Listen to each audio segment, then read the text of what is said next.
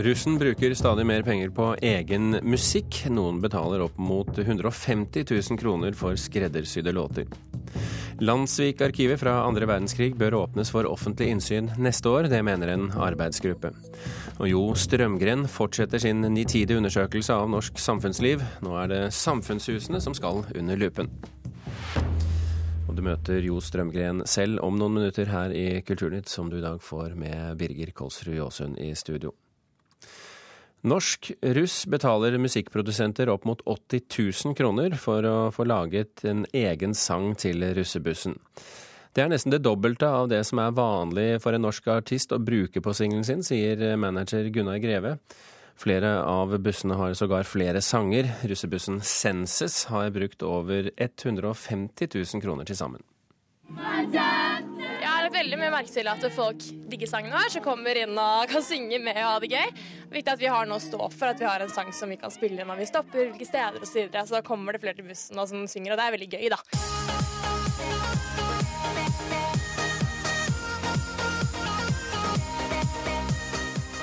De 25 jentene i russebussen Senses er klare for russetid. De har til sammen brukt over én million kroner på bussen, bl.a. til hvitt skinninteriør, graffitifasade og et digert lydanlegg. Men det de har brukt mest penger på, er bussens egen signaturmusikk. Ja, eh, Den ene sangen betalte vi 80 000 kroner for. Den andre betalte vi 45 og så var det den hjemmesnekra som vi betalte rundt sånn 10 000 for. Så det blir jo ca. 150 000 kroner til sammen. Forteller Vilde Akselsen, en av jentene på bussen.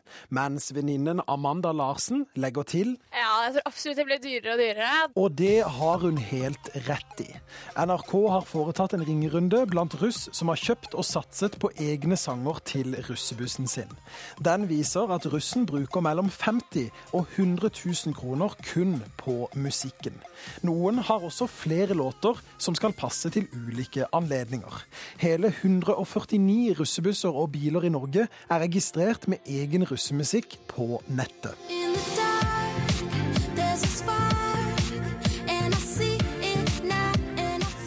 Eh, det er klart at Man tenker jo at eh, det er fryktelig mye penger å bruke når man hører at, at enkelte russebusser kan bruke oppimot 80 000 norske kroner. Som er egentlig nesten dobbelt av hva jeg anbefaler en, en gjennomsnittlig norsk artist å bruke på singelen sin. Sier manager og produsent Gunnar Greve. Nei, Det er vel omtrent med russelåter som med all annen musikk. Eh, pengene er nødvendigvis ikke det sikreste kvalitetstegnet. Det at du bruker mye penger på noe, er ikke nødvendigvis eh, dermed gitt og og sagt at det er fasiten på at det blir bra. Men samtidig er det bedre at de bruker pengene på musikk enn at de bruker de på sprit. Det er noe som høres veldig pling-plong ut på den.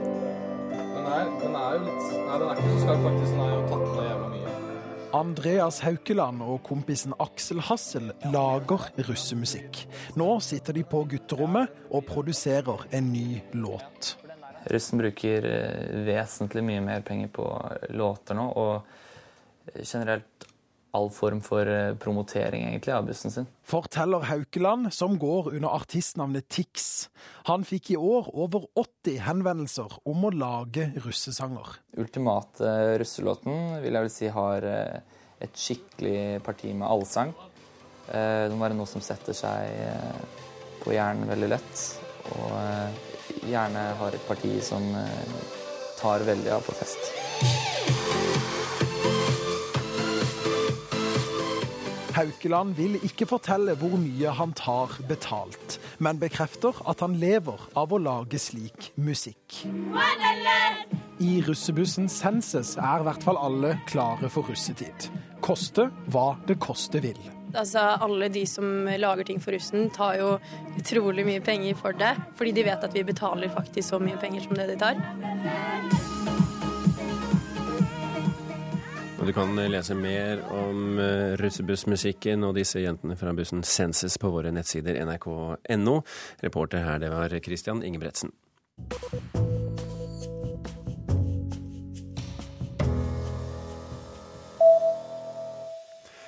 Norske forfattere ønsker at språket i Grunnloven moderniseres. Det viser en undersøkelse gjort av Vårt Land. I forbindelse med 200-årsjubileet ønsker tre av fire av de rundt 100 norske forfatterne avisen har vært i kontakt med, en modernisering av grunnlovsspråket, hvor de fleste ønsker varianten med både bokmål og nynorsk. Blant dem eh, Karsten Alnes og Erik Fossnes Hansen.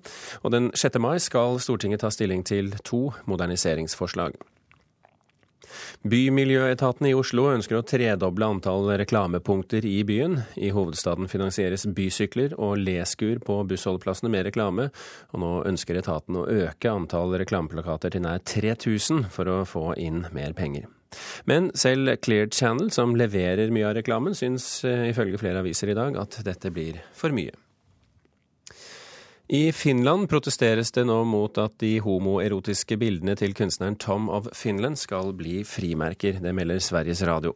Bildene viser lettkledde og nakne, muskuløse menn, ofte i seksuelle handlinger med hverandre, og en underskriftskampanje krever nå at frimerkene stoppes. Samtidig pågår en motkampanje som samler underskrifter for at de selvklebende Tom of Finland-frimerkene i stedet skal være slikkbare.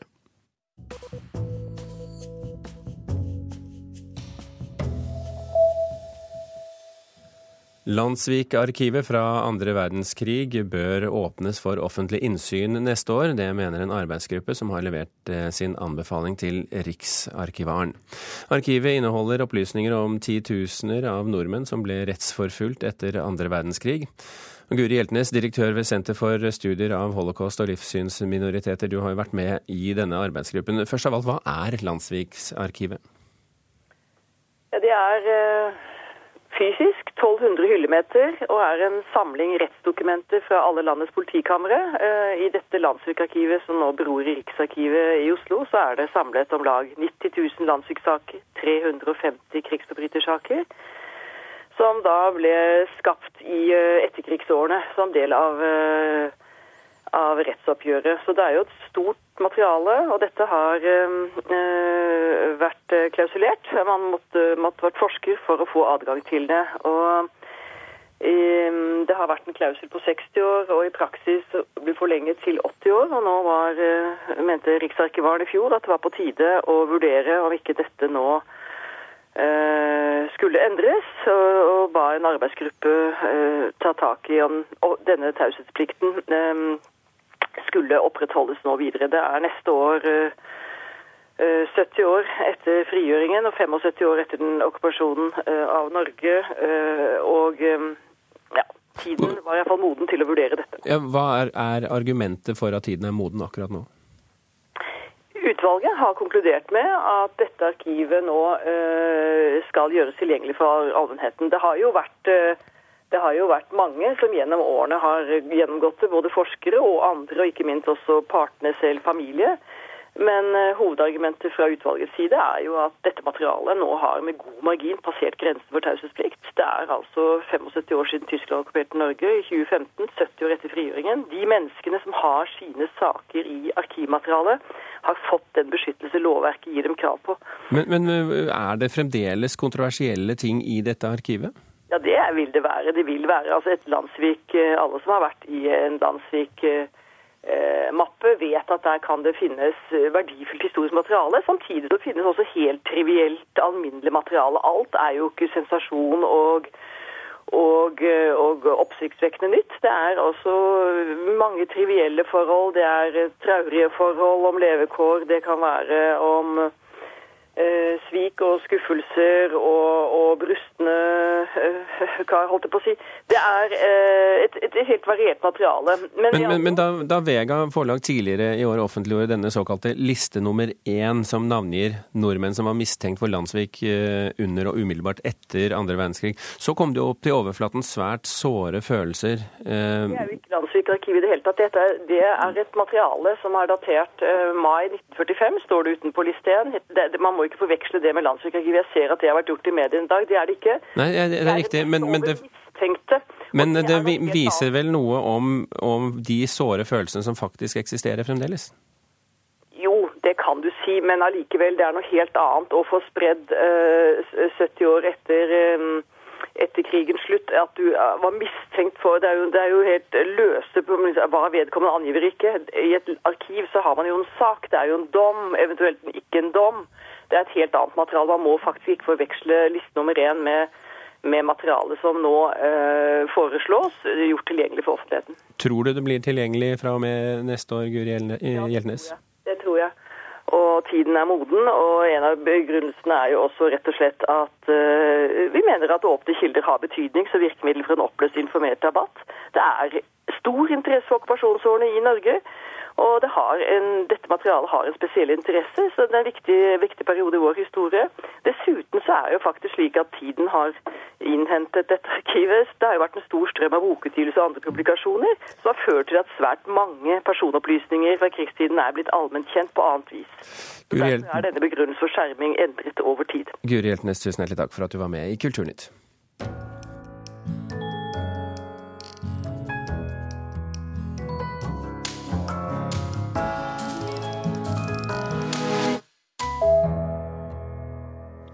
I påsken åpnet utstillingen Tendenser for 41. gang i det ærverdige herregårdsgalleriet på F15 på Jeløya utenfor Moss i Østfold. Mona Palle Bjerke, kunstkritiker her i NRK. Hva slags utstilling er det vi snakker om her? Ja, Dette er en utstilling som har en lang tradisjon, som du antyder. da. Det er 41. gang. Den har holdt på siden 1971, og har den lengste fartstiden etter Høstutstillingen og Nordnorsken. Men det er en utstilling som har fått altfor lite oppmerksomhet i forhold til hvor viktig den er. Og det håper og tror jeg det skal bli en eh, endring på nå. For nå er det faktisk sånn at i utlandet så vel som gradvis i Norge, så er man i ferd med å se denne veldig sterke våknende interessen for de materialbaserte kunstartene og for kunsthåndverket. Og det er rett og slett kunsthåndverk er rett og slett eh, på moten, for å men, si det sånn. Men hvorfor er den viktig? Utstillingen er viktig fordi den, den går inn i den, disse, den, materialbaserte kunsten og på en måte tar, eh, tar, eh, tempen på den. Og det har den da gjort jevnt og trutt hvert år i alle disse årene der kunsthåndverket på en måte har vært betraktet som mindre, eh, mindre viktig enn billedkunsten.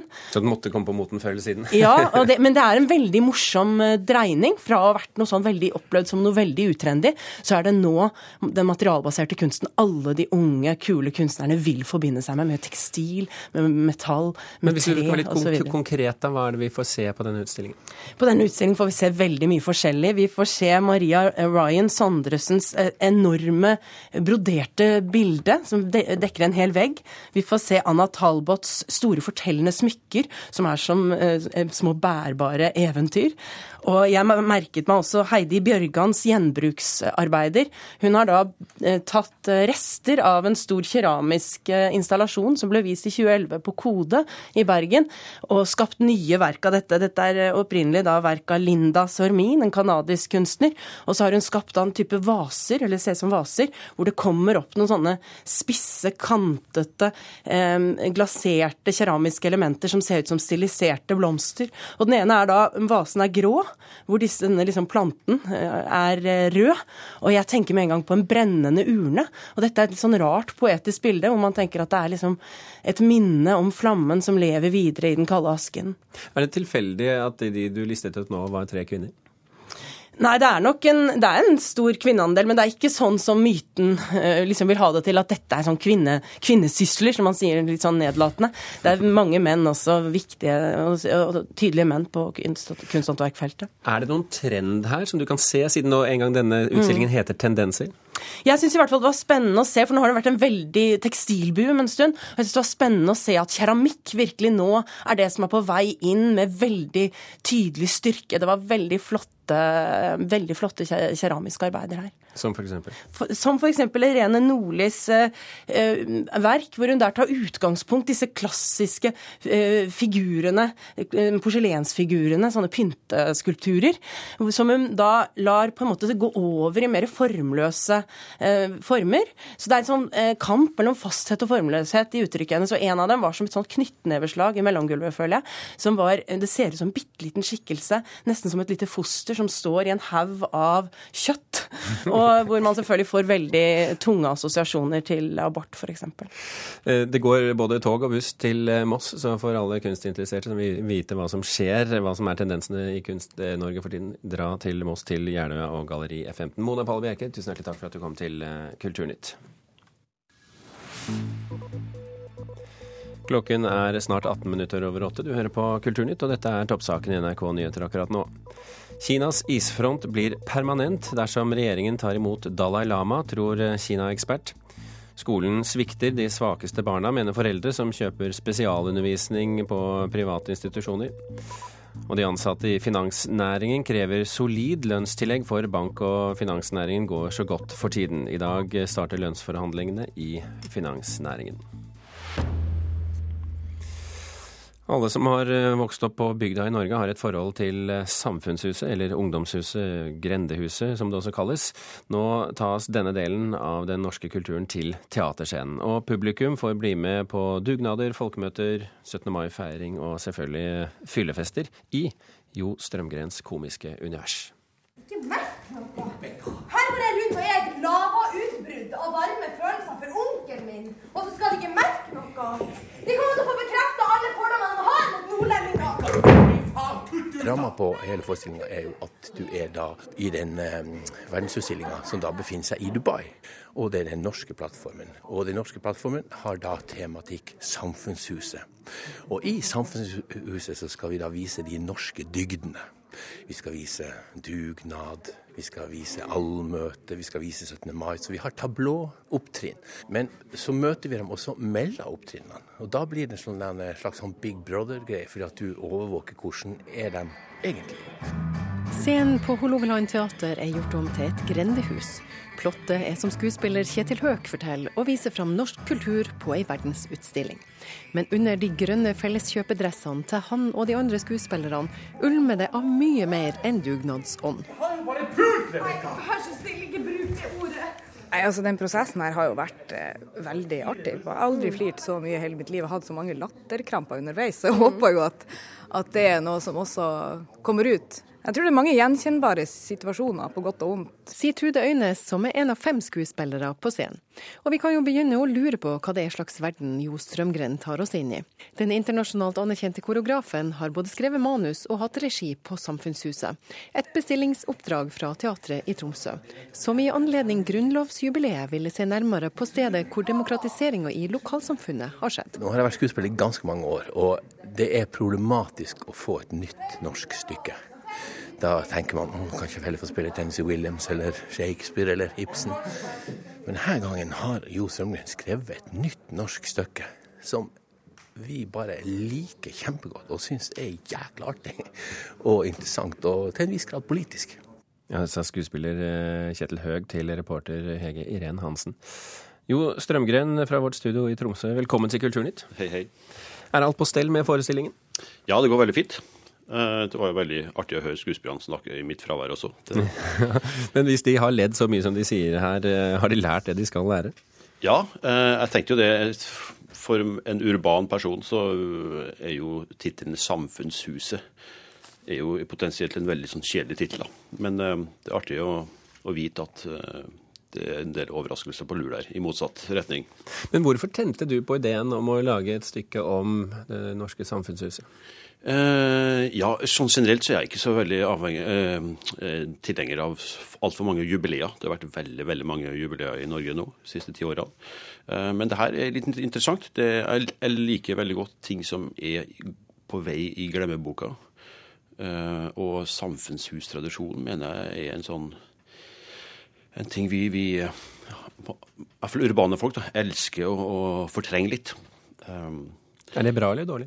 Nei, jeg syns det er veldig dårlig, altså. Eh, selvfølgelig, Norge har jo vært eh, selvstendig nasjon i litt over 100 år. Og, og det er jo vanskelig å bygge en identitet og nasjon, nasjonsfølelse på den tida. Eh, og, og hele overgangen fra et sånt ruralt samfunn til et urbant samfunn. Så når folk bor i by, vi, hvem er vi da? Eh, og da merka jeg jo at det samfunnshuset, oppveksten og erfaringa derfra, eh, bakgrunnen, eh, det liker folk å glemme, og så fokuserer de på andre ting istedenfor. Men er, er eh, samfunnshuset en slags arena for toleranse, slik du ser det? Veldig.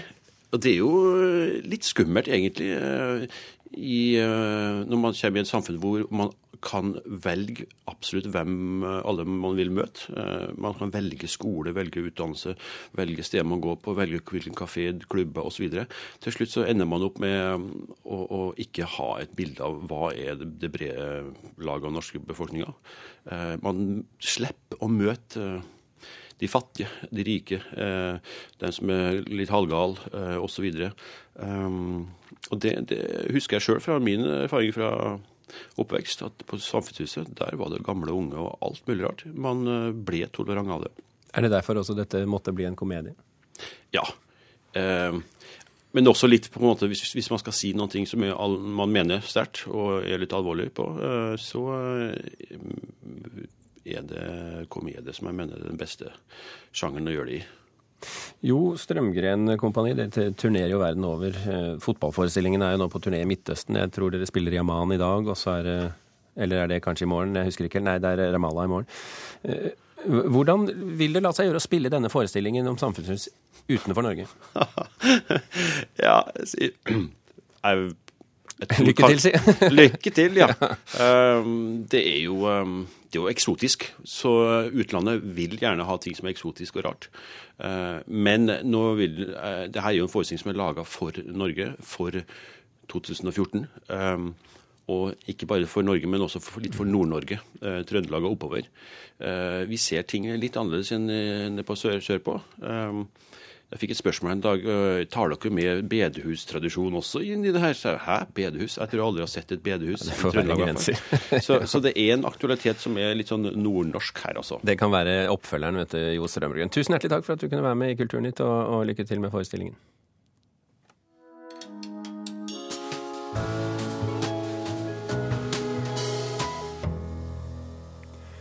De skjønnlitterære forfatterne har foreløpig gjort lite av seg i sammenheng med grunnlovsjubileet, i motsetning til sine kolleger innen sakprosaen. Et unntak er Einar O. Risa, som nå er ute med romanen 'Moses', der han skildrer en av de mindre kjente eidsvollsmennene. Men vår anmelder Marta Norheim syns boken er mer eksistensialistisk enn historisk. Det er ikke overraskende at Einar O. Riise har sett det skjønnlitterære potensialet i 1814. Ikke bare har han vært innom dette hundreåret i flere tidligere romaner, han er i tillegg en forfatter som ikke er redd for å drive research, og han bruker gjerne både harde fakta og historiske personer i oppdikta historier. Denne gangen er det Jon Moses, unionist og handelsmann fra Kristiansund, en av de 112 eidsvollsmennene. Risa slår fast at Moses er jøde, og at han dermed må ha hatt det ganske spesielt på Eidsvoll, der et stort flertall fant det naturlig å skrive allerede i paragraf to at Jesuitter og munkeordner må ikke tåles, jøder er fremdeles utelukkede fra adgang til riget. En jøde satt på Eidsvoll og opplevde at forsamlinga stemte imot at slike som han fikk lov til å komme inn i landet. Det er en situasjon som åpner for mange spørsmål. Men først sjølve romanen. Her ligger den gamle Moses i London og forteller livshistoria si om handel og konkurs, ekteskap og skilsmisse, men ikke minst om tida på Eidsvoll som han minnes med lite glede. Risa har gjort han til en desillusjonert og temmelig sytete kar, som stadig kommer tilbake til den sure rødvinen, den evinnelige kalvesteika og den elendige innkvarteringa langt inne i de meningsløse skogene på Østlandet. Historia blir fortalt til en person kalla for Boss, en mann uten andre egenskaper enn at han er skrivende. Om Risa tenker seg at han skal være Charles Dickens, som jo brukte Boss som pseudonym, så gjør han i så fall lite ut av det. Dette er i det hele en roman som gjør lite ut av det. Jøden Moses refererer aldri til noe jødisk, annet enn til sitt enorme jødiske snyteskaft, som jo er sjølve urklisjeen når det gjelder jøder. Han viser lite interesse så vel for jødedommen som for spørsmåla Eidsvollforsamlinga strevde med. Det som sitter att etter endt lesing, er ikke historia om en jøde på Eidsvoll, men om en sur gubbe som syns alle de andre var sneversynte, provinsielle og generelt uopplyste. Slike karakteristikker blir alltid mest interessante dersom avsenderen viser at han ikke har disse egenskapene sjøl. Det får aldri den stakkars Moses høve til å vise i denne romanen, som har blitt ei generell historie om en desillusjonert gammel mann som er ute etter å plassere skylda for at livet har gått han imot. I denne sjangeren er Moses ingen dårlig roman. Den repeterende og insisterende stilen til Risa får fint fram nyanser i et sinn og i ei livshistorie. Men jeg lurer på hvorfor det historiske sprengstoffet er så lite utnytta. Kan det være fordi Moses ikke var så jødisk likevel, når alt kom til alt? Ja, Det sa vår kritiker Marta Norheim om romanen 'Moses' av Einar O. Riise. Og Apropos eh, bøker. I dag er det verdens bokdag, og verdens bokdag det skal være en festdag for boken, og den feires i over 100 land rundt om i verden.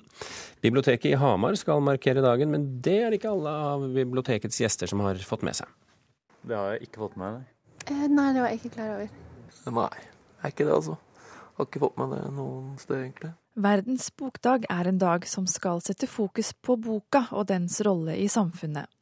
Boka er kilden til informasjon, og den kan opplyse, provosere, engasjere og inspirere.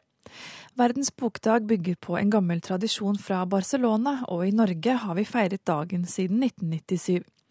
Dagen blir markert av bokhandlere, bibliotek og skoler i hele landet.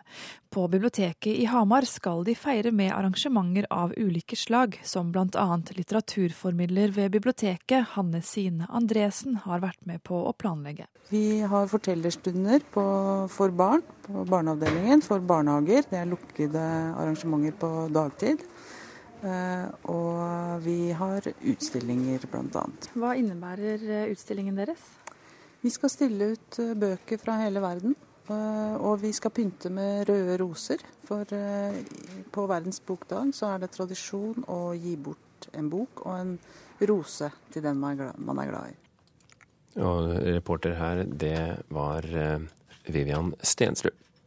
Kulturnytt er slutt. Hvis du ikke fikk med deg hele, kan du lese om russelåtene på nrk.no hvis du vil det.